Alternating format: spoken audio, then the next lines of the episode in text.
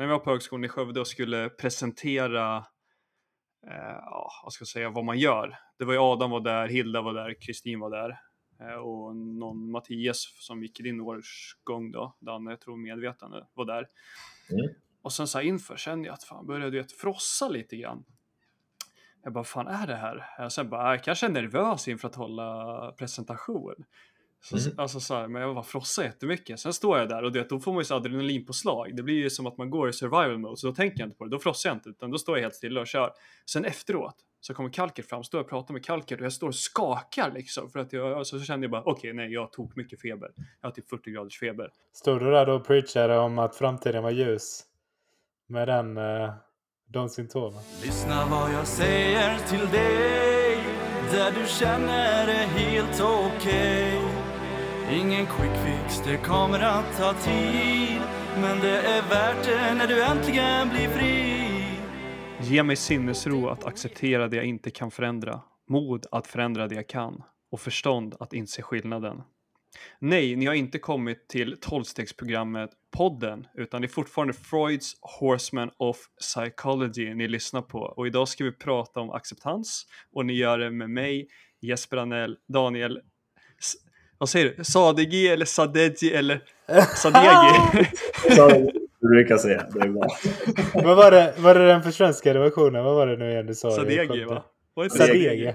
Degi, Anna. Så blev det så mindfuck, bara va? Vänta va? Du sa ju Sadegi, Både- Sadegi. Det var sjukt ändå, både du och jag blev typ alltså, helt ställda med... Alltså, vad, vad sa han att han hette? Vad fucking sa? Och bossen Jonathan Stenberg är också med såklart. Ditt namn är fast. Ja, Det är gå, gå inte att försvenska det. Alltså. Nej, Ska vi säga Tari också till dig, Danne? Och vi ska Ja, ta Släng in Tari också. Varför inte? Tari eller Tari? Ja, Kör en Tari. Ja.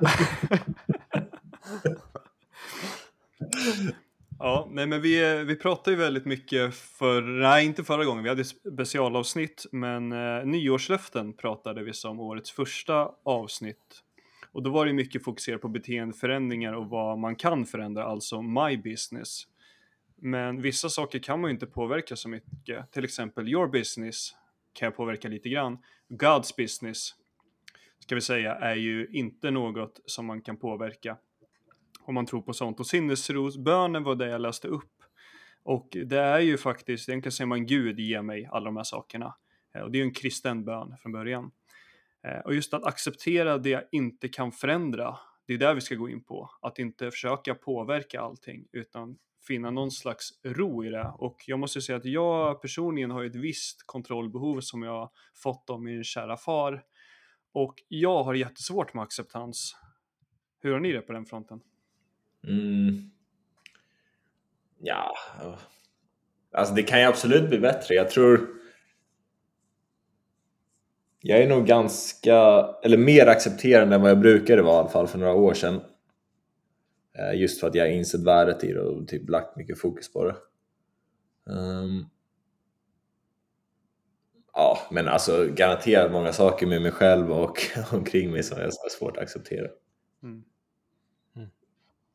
För min del är det nog, det har nog alltid varit lite olika beroende på vilket ämne. Jag tror från början, jag har nog aldrig riktigt varit sådär, vissa personer är ju väldigt mycket för rättvisa och sånt och ja men det här är inte bra, det, det är orättvist och så. Kanske låter lite deprimerande men jag tror allt, alltså ganska tidigt i alla fall bara att nej det är inte så jävla orättvist, eller det är inte så jävla rättvist alltid. Alltså men sen med andra saker har det verkligen varit svårare. Så jag tror med ja, någon utveckling där med att eh, mer accepterande nu än vad jag var förr. Men Ja. det beror på temat. Ibland bara upptäcker man något och bara shit, det här är jag inte redo att acceptera. Ja. Mm. Det där Typ tycker jag, äldre, ja, förlåt. Nej men typ bli äldre kan ju vara en sån. Jag tycker att det är en, eh, det är intressant det du säger om att det är, det är olika saker, det håller jag med om. Jag vet att vi har pratat om det tidigare Jonathan, att man, jag har lätt att acceptera ifall någon inte vill vara kompis med mig eller liksom, vad ska man säga, inte vill eh, vara tillsammans med mig eller inte liksom känner, motsvarar känslorna man har för någon så är det lätt att acceptera det. Det är inte så att jag har svårt att bara nej okej nu ska jag göra någonting för det här, den är inte rätt, den vet inte sitt bästa.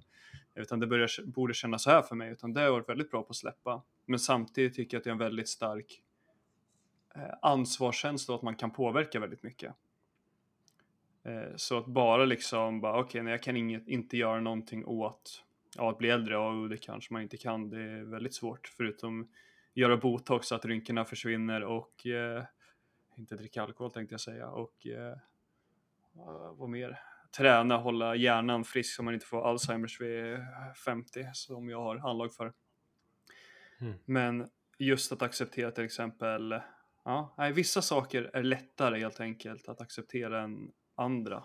Eh, mest för att man känner mm. att man har så stark påverkan. Det sa du sist Jonathan också, att tänk hur mycket du verkligen kan påverka. Mm. mm. Men det kan ju slå över också.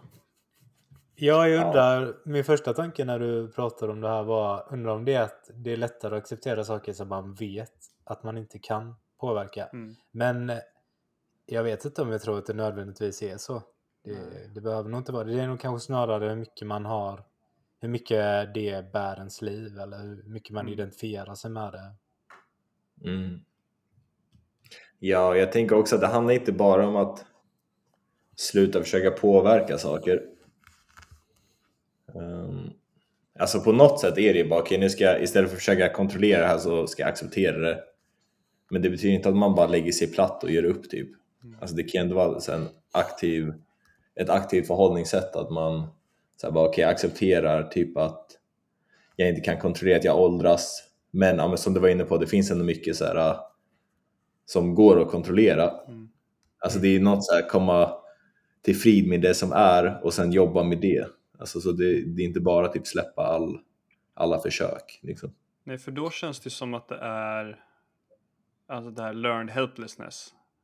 Mm. Att man känner sig hjälplös. Och där tänker jag vad, vad är den största differensen där? Är det att du lägger dig platt i om du är liksom, känner dig hjälplös och bara det spelar ingen roll vad jag kan och inte påverka det, det kommer ändå gå åt helvete.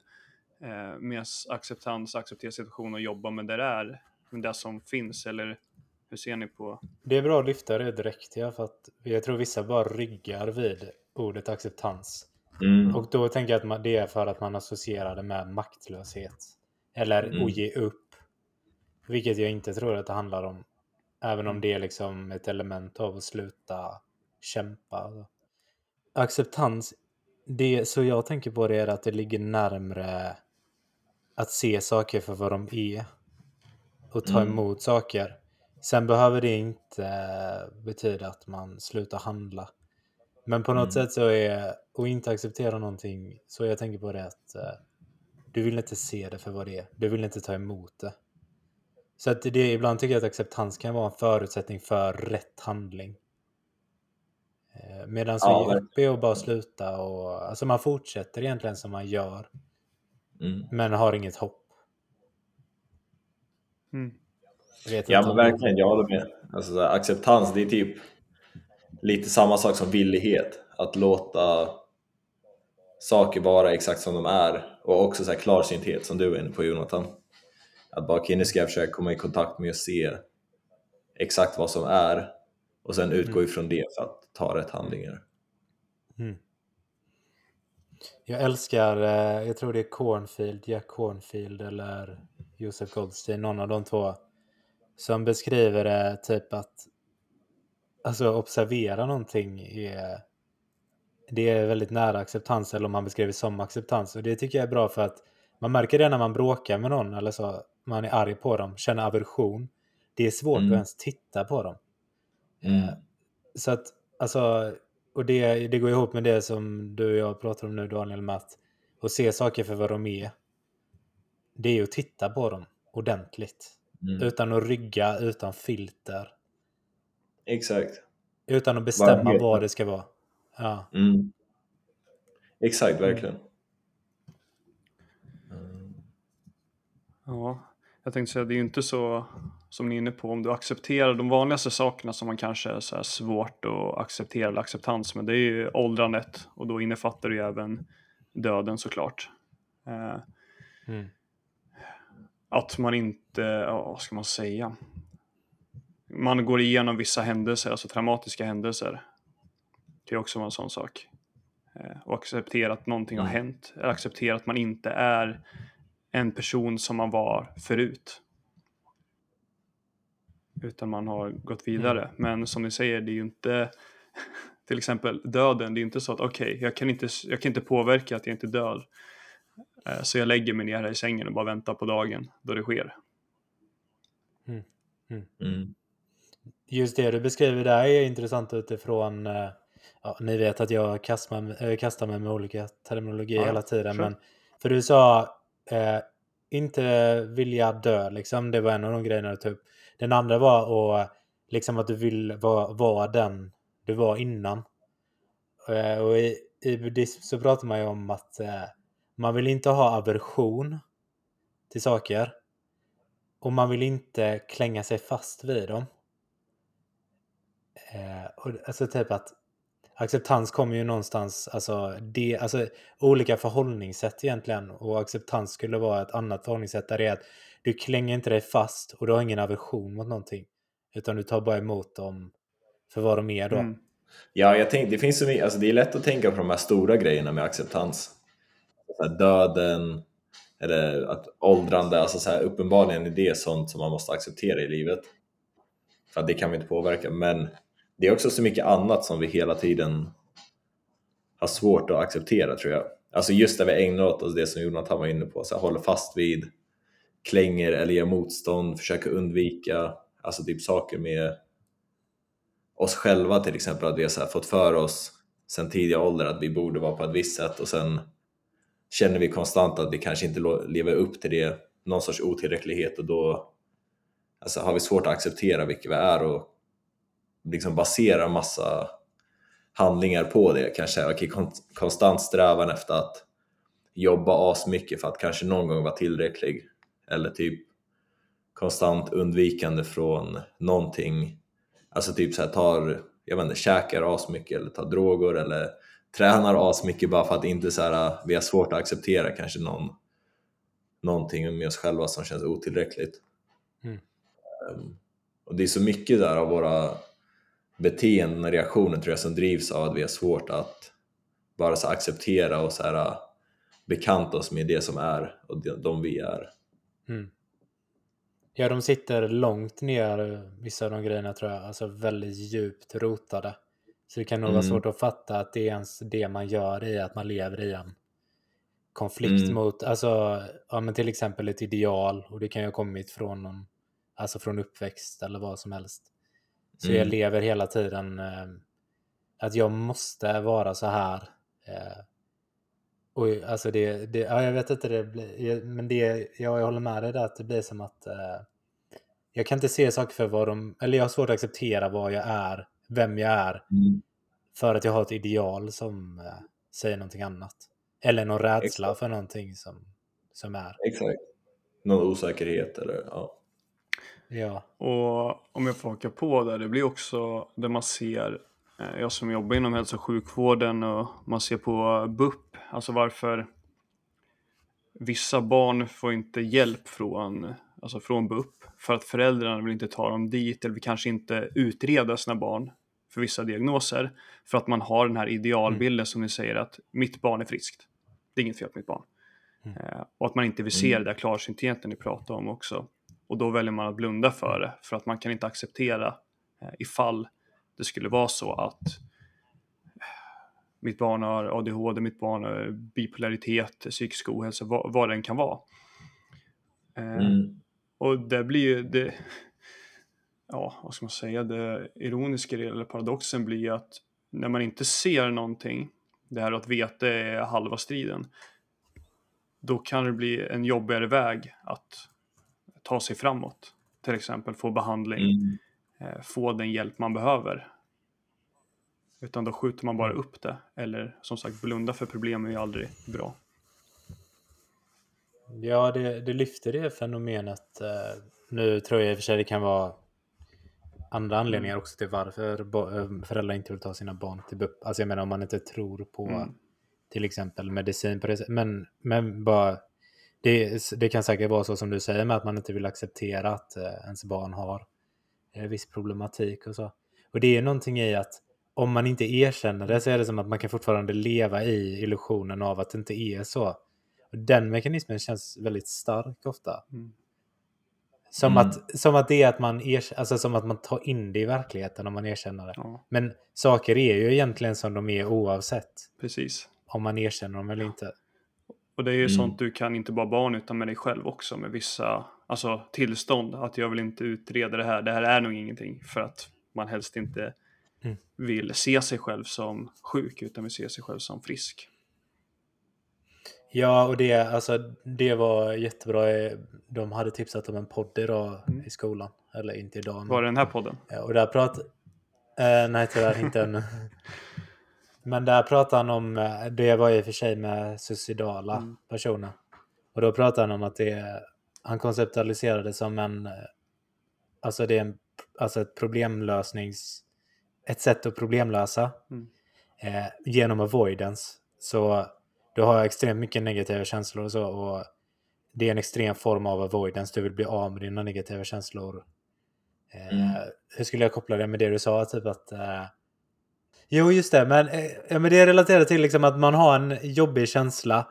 Och i undvikandet av det kan man gå så långt till... Alltså, nu menar jag inte att alla suicidala människor har det här, men, men eh, alltså, man går så långt med att inte kunna acceptera den jobbiga känslan att man hellre väljer suicid. Liksom. Så hans, eh, hans poäng var på något sätt att eh, ja, liksom försöka komma tillbaka till den känslan som utlöste allting från början. Ja, för det var det att det som gör det jobbigare och jobbigare är att ju fler avoidance-strategier som du lägger på det, desto svårare blir livet och desto färre blir valmöjligheterna som du kan göra för att hantera problemet. Mm.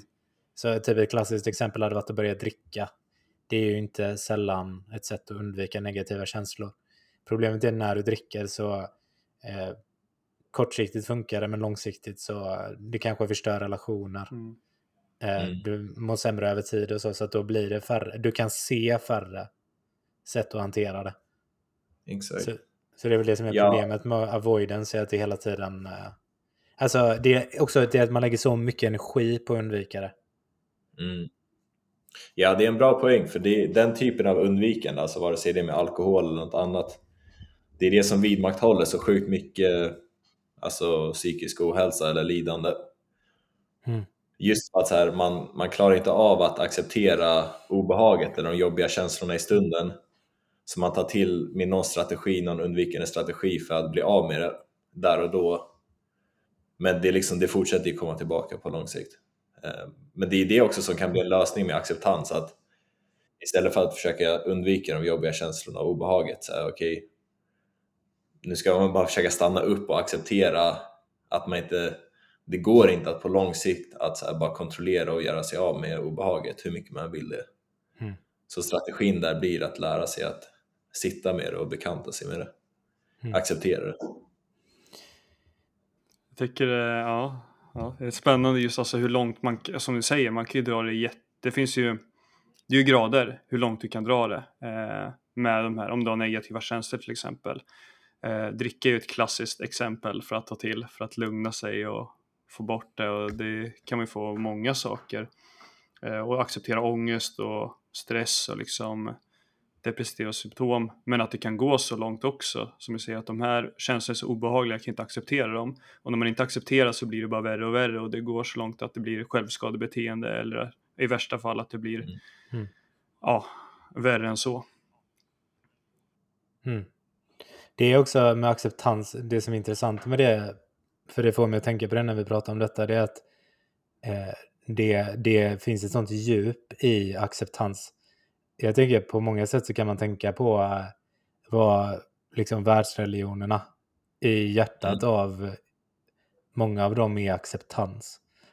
Om man tänker liksom buddhism och så, det är ju egentligen Mm. så är det bara vara mindful är ju på något sätt acceptans. Eh, alltså i kristendomen är det ju också jättecentralt att typ ta, se smärtan i världen, Mm. kunna ta den till sig. Och det, frågan är vad som händer då när man, om man upptäcker alla sätt som man undviker smärtan och istället bara stirrar rakt på den, sluta och lägga massa energi på att fly. vad är det som händer då? Och jag, jag tänker budskapet är ju till exempel i kristendomen är ju att du, det är det säkert i andra religioner med, men att du kommer övervinna den. Och sen hur exakt det tar sig uttryck är en öppen fråga. Men... Mm. Ja, men det är det som är så paradoxalt med acceptans också, att det ger en mer kraft egentligen. Även om man tänker så okej okay, jag släpper alla mina försök till att kontrollera det.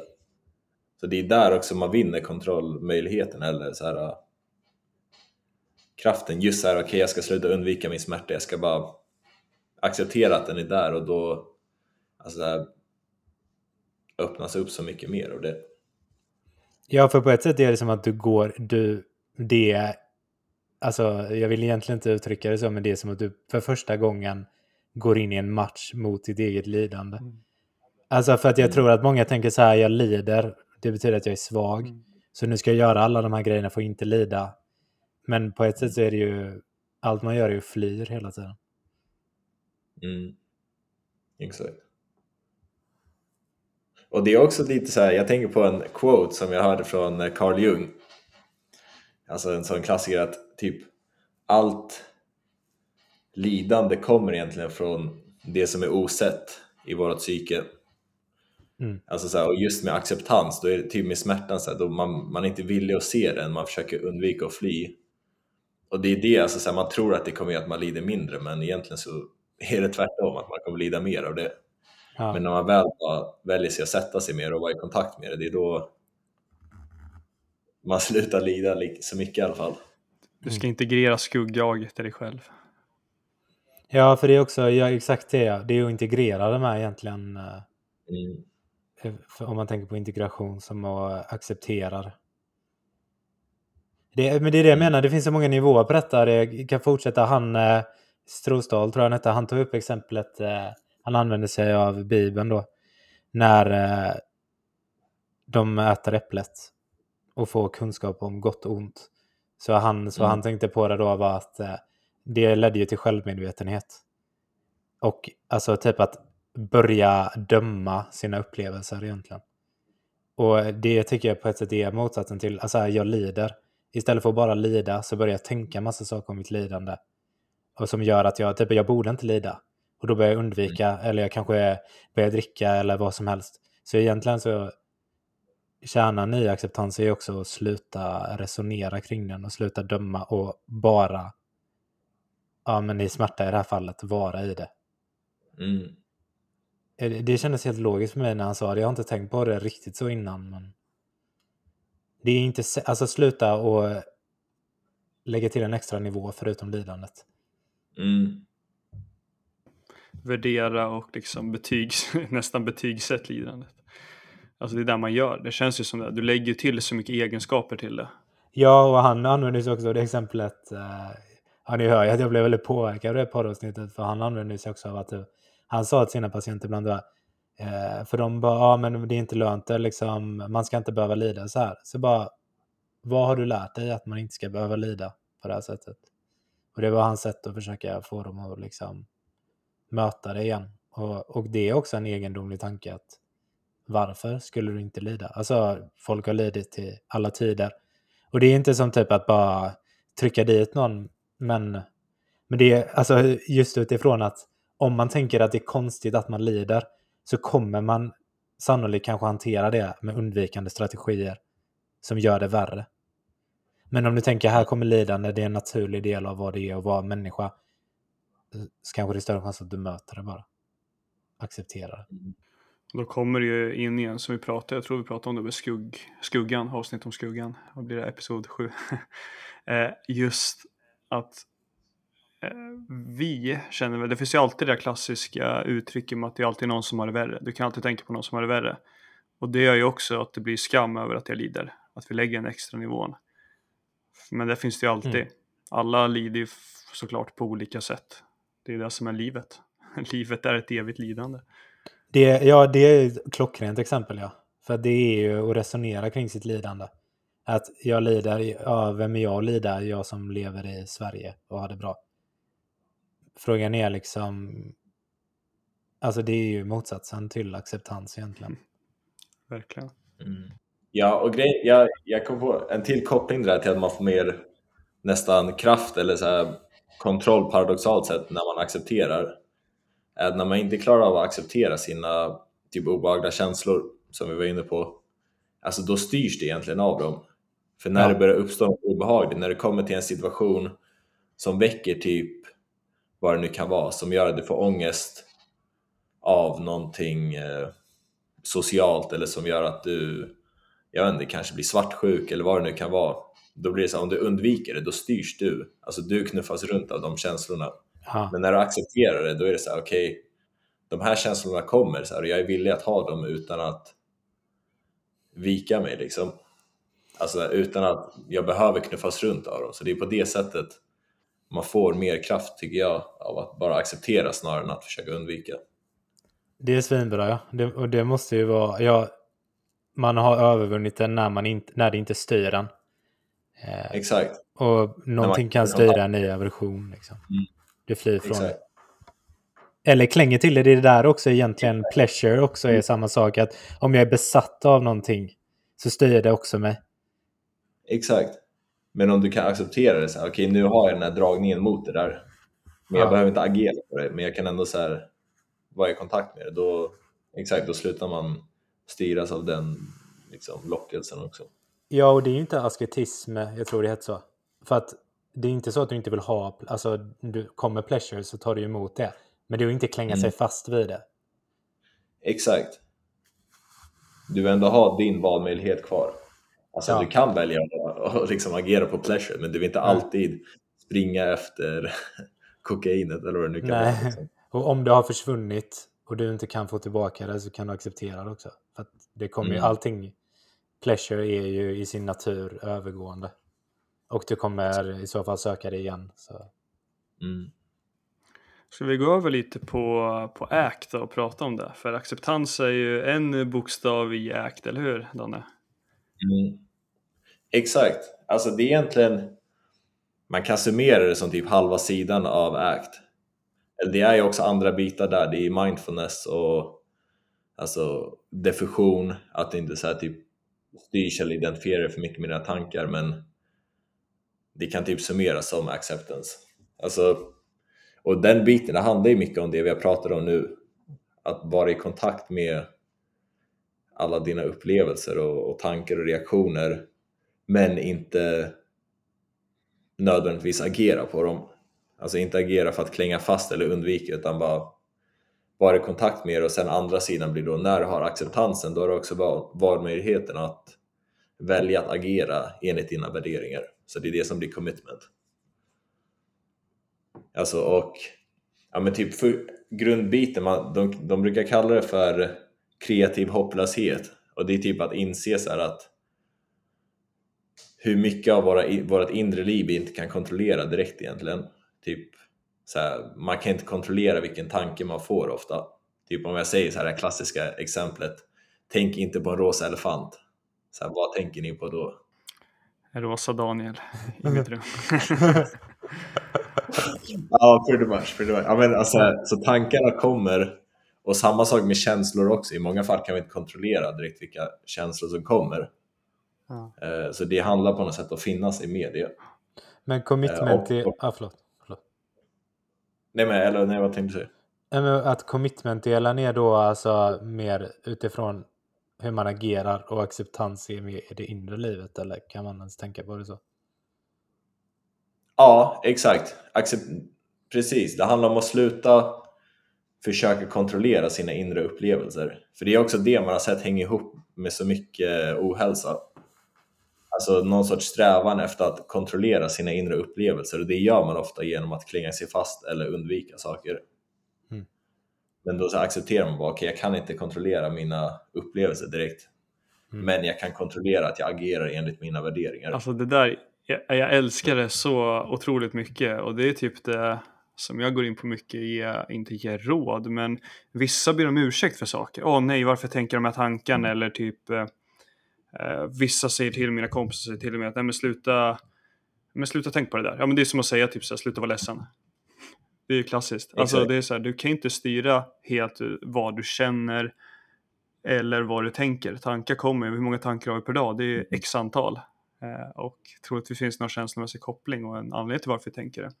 Utan det vi kan styra är ju hur vi agerar på det. Och det med commitment, shit vad jag älskar det. Exakt. Mm. Det, är, ja, det är coolt med utifrån, eh, det kanske är väldigt långt skott, men eh, för att det, det finns någonting i, alltså i själva commitment så är också varför livet också är meningsfullt. Alltså för man skulle kunna Mm. falla i någon nihilism typ med att jag kan inte påverka det. Eh, Exakt. Men i commitment-aspekten finns eh, varför livet fortfarande är meningsfullt. Jag tycker typ, nu kommer jag tillbaka till buddhism, men det är kanske inte så konstigt för att Akti är ju ändå också inspirerat av det. För där finns det ju, det är Mm. delvis, eh, de säger typ juvelen i buddhans lära är eh, insikten i eh, selflessness. Alltså att eh, typ de processer och sånt som händer, att det är inte du liksom, utan de, det är bara processer. Så de är på ett sätt tomma i att det är inte du. Så de kan passera och de dör ut och så. Men sen karma är liksom den andra så stora delen, tänker jag. Och det är att alltså allting du gör kommer ju... Alltså jag menar inte typ så karma som vi kanske använder det nu, så här trivialt. Men typ att allting du gör är ett frö. Du planterar hela tiden frö med dina handlingar som kommer påverka folk på olika sätt. Så att även om liksom allting på ett sätt är övergående så allting du gör påverkar också samtidigt allting annat. Så det är på något konstigt sätt så är det ju total meningslöshet med total meningsfullhet. Mm. Men vänta, okej. Är det så att, ja men om vi tar de här två, acceptance commitment, att all, allt det du har i ditt inre är övergående, men allt det du gör utåt har en påverkan på något sätt. Att det blir liksom, eh, ja, att det blir transferable på att vi har det finns en påverkansgrad på mina handlingar, på det jag gör. Och det kommer skapa, det kommer skapa ett inre hos någon annan. jag, jag tror jag gillar att tänka på det som att eh, det är, det är någonting som, om man tänker på det som bara en kropp, liksom, vad som helst, så är det att eh, kroppen håller hela tiden på att förändras. Men på något sätt påverkar du processen, vilken, alltså åt vilket håll den rör sig. Jag vet inte om man kan tänka så riktigt. eh, Det var en bra, bra liknelse. Ja. Metafor. Ja, för då är det, du, du liksom klingar inte till den specifika manifestationen i sig, men du gör ändå det du kan för att liksom utveckla den till någonting bättre. Mm. Kan vi konkretisera ännu mer? Kan vi verkligen få ett riktigt så här, exempel så att det verkligen hänger med? Jonathan, Alltså från ACT eller från buddhismen? nej, Det men är vi från också. nu det vi pratar om, om vi kan få verkligen så här konkretisera det från processen alltså.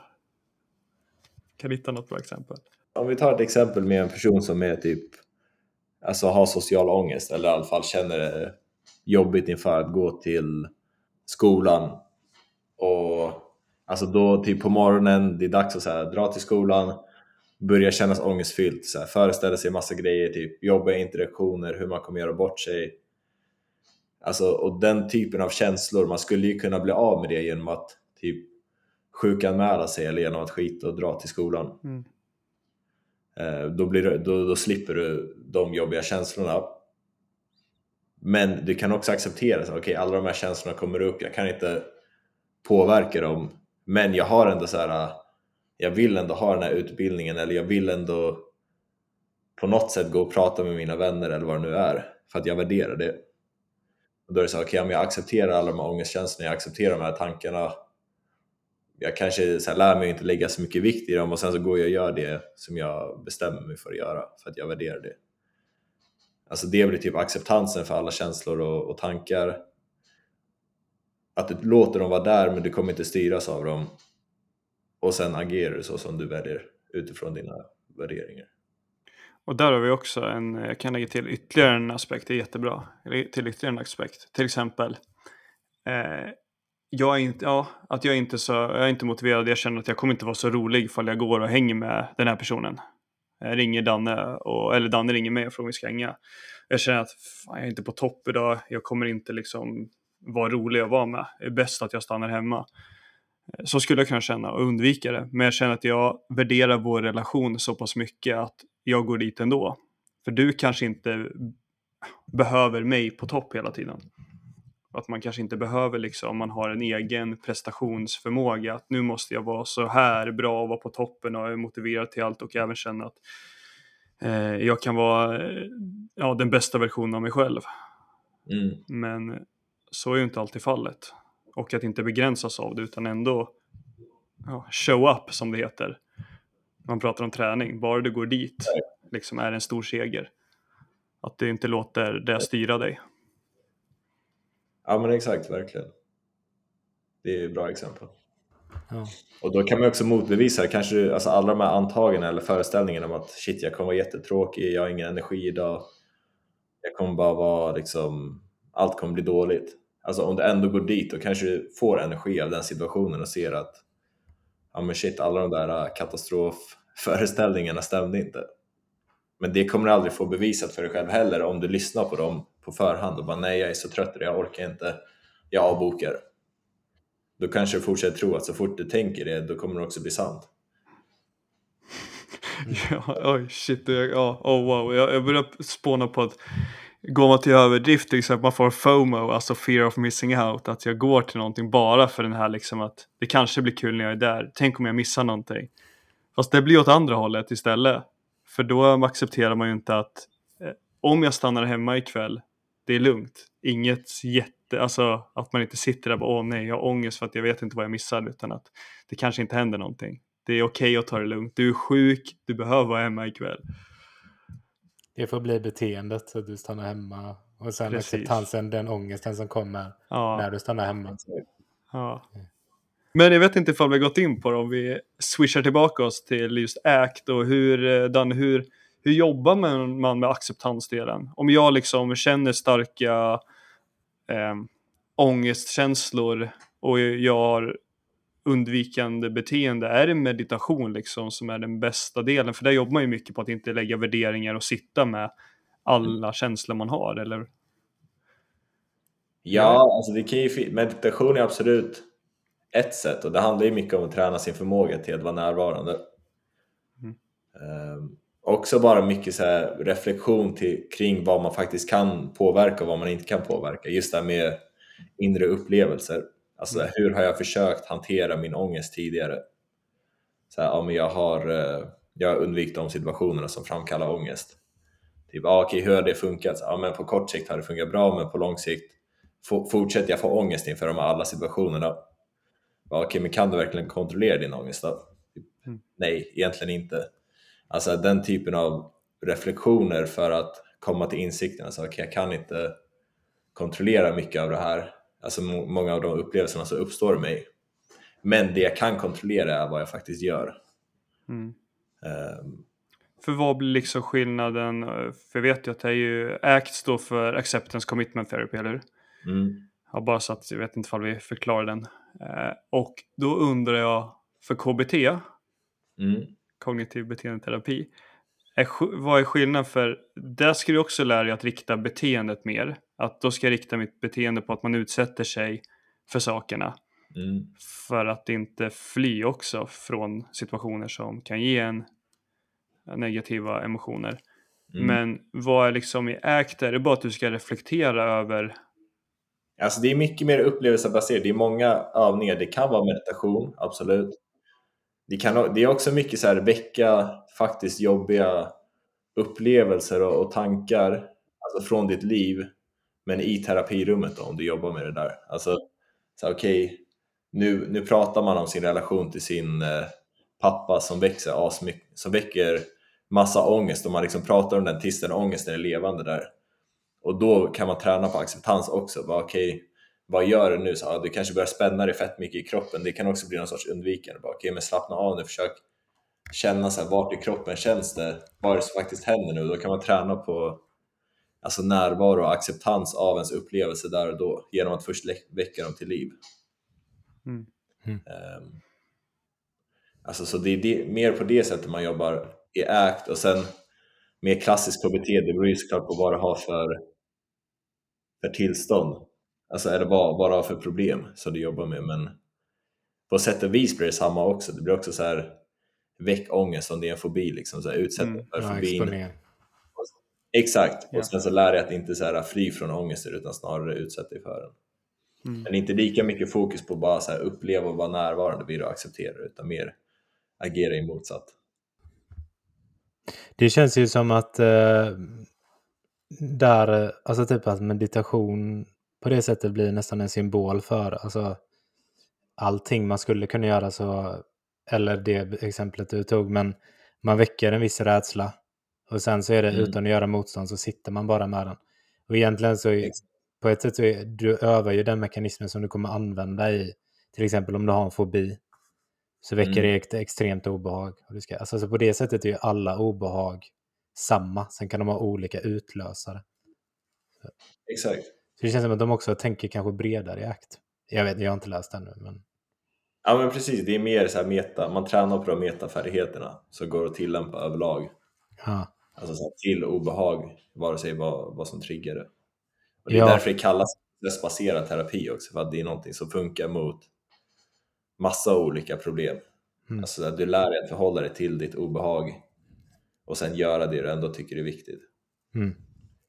Det blir igen, alltså typ att i hjärtat av eh, typ alla framgångsrika terapier finns eh, alltså villighet att ta Mm. emot negativa känslor och inte fly från dem. Alltså för det är samma Exakt. då i alltså exponering i vanlig KBT Mm. och sen tredje vågen då eller vad det är. Med akt så är det Mm. också egentligen samma eh, Ja, exakt. villighet att acceptera. Mm. Jag har en eh, avslutande fråga till er. Vad vill ni lära er att acceptera 2024? Vill du börja Jeppe och så kan jag och Jeppe, äh, jag och Daniel tänka. Ja, men jag kan väl eh, börja under tiden. Jag kan ha lång utläggning. Nej, men vad ska man säga?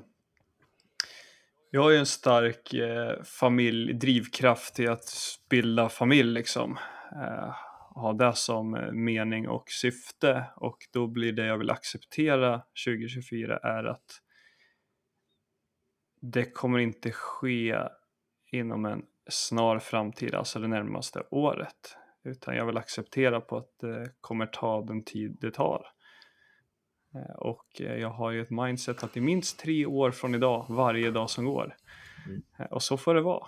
Och det är helt okej. Och hitta andra saker under tiden och acceptera och försöka påverka då. Eh, agera enligt mina värderingar och utnyttja tiden då man inte är bunden av barn och partner till att kunna hälsa på er, hälsa på vänner som inte bor nära, hänga mer med familjen och även utöva mina egna hobbys. Och Mm. eh, ja, så acceptera att jag inte har barn. Att vi inte kommer få barn. Ja. ja, Ja. jag kör på. Men jag tror jag eh, kanske mer generellt så har jag har verkligen en tendens att leva i framtiden. Och så eh, jag tror för mig är det nog ganska generellt typ att inte sväva iväg utan bara vara där jag är nu och sen kanske också att få förståelse varför liksom jag hela tiden går in i framtiden. Så Mm. ja. Döma lite mindre också. Alltså mig själv och alltså andra också. Tänka så. Ja, ja men framförallt det där med framtiden alltså. Ja, jag, vet, jag tycker det är så, men jag tror en grej som jag brottas med mycket, att av någon anledning så är jag fett känslig för när mina föräldrar mår dåligt. Och jag tror jag så gärna vill så här kunna lösa det på något sätt, ta bort det liksom. Eh, men att ännu mer så acceptera och släppa att jag inte kan påverka det direkt och i många, sätt, i många situationer så så går det inte att bara lösa sådär hur mycket jag än vill det liksom. Så ja, verkligen acceptera där vad jag kan göra och vad jag inte kan göra. Mm, ja. Har vi mycket att jobba på i år? Ja. Gud.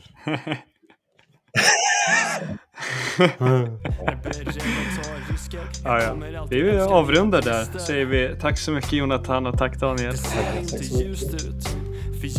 På återhörande. Mörkret kommer så sätt dig ner och bara njut Rummet rör sig ut love you, rummet gungar, jag blir sjösjuk. Känns i mina andetag, en känsla som följer mig varje dag. Vill stanna kvar i mitt sanna jag, vill inte förändra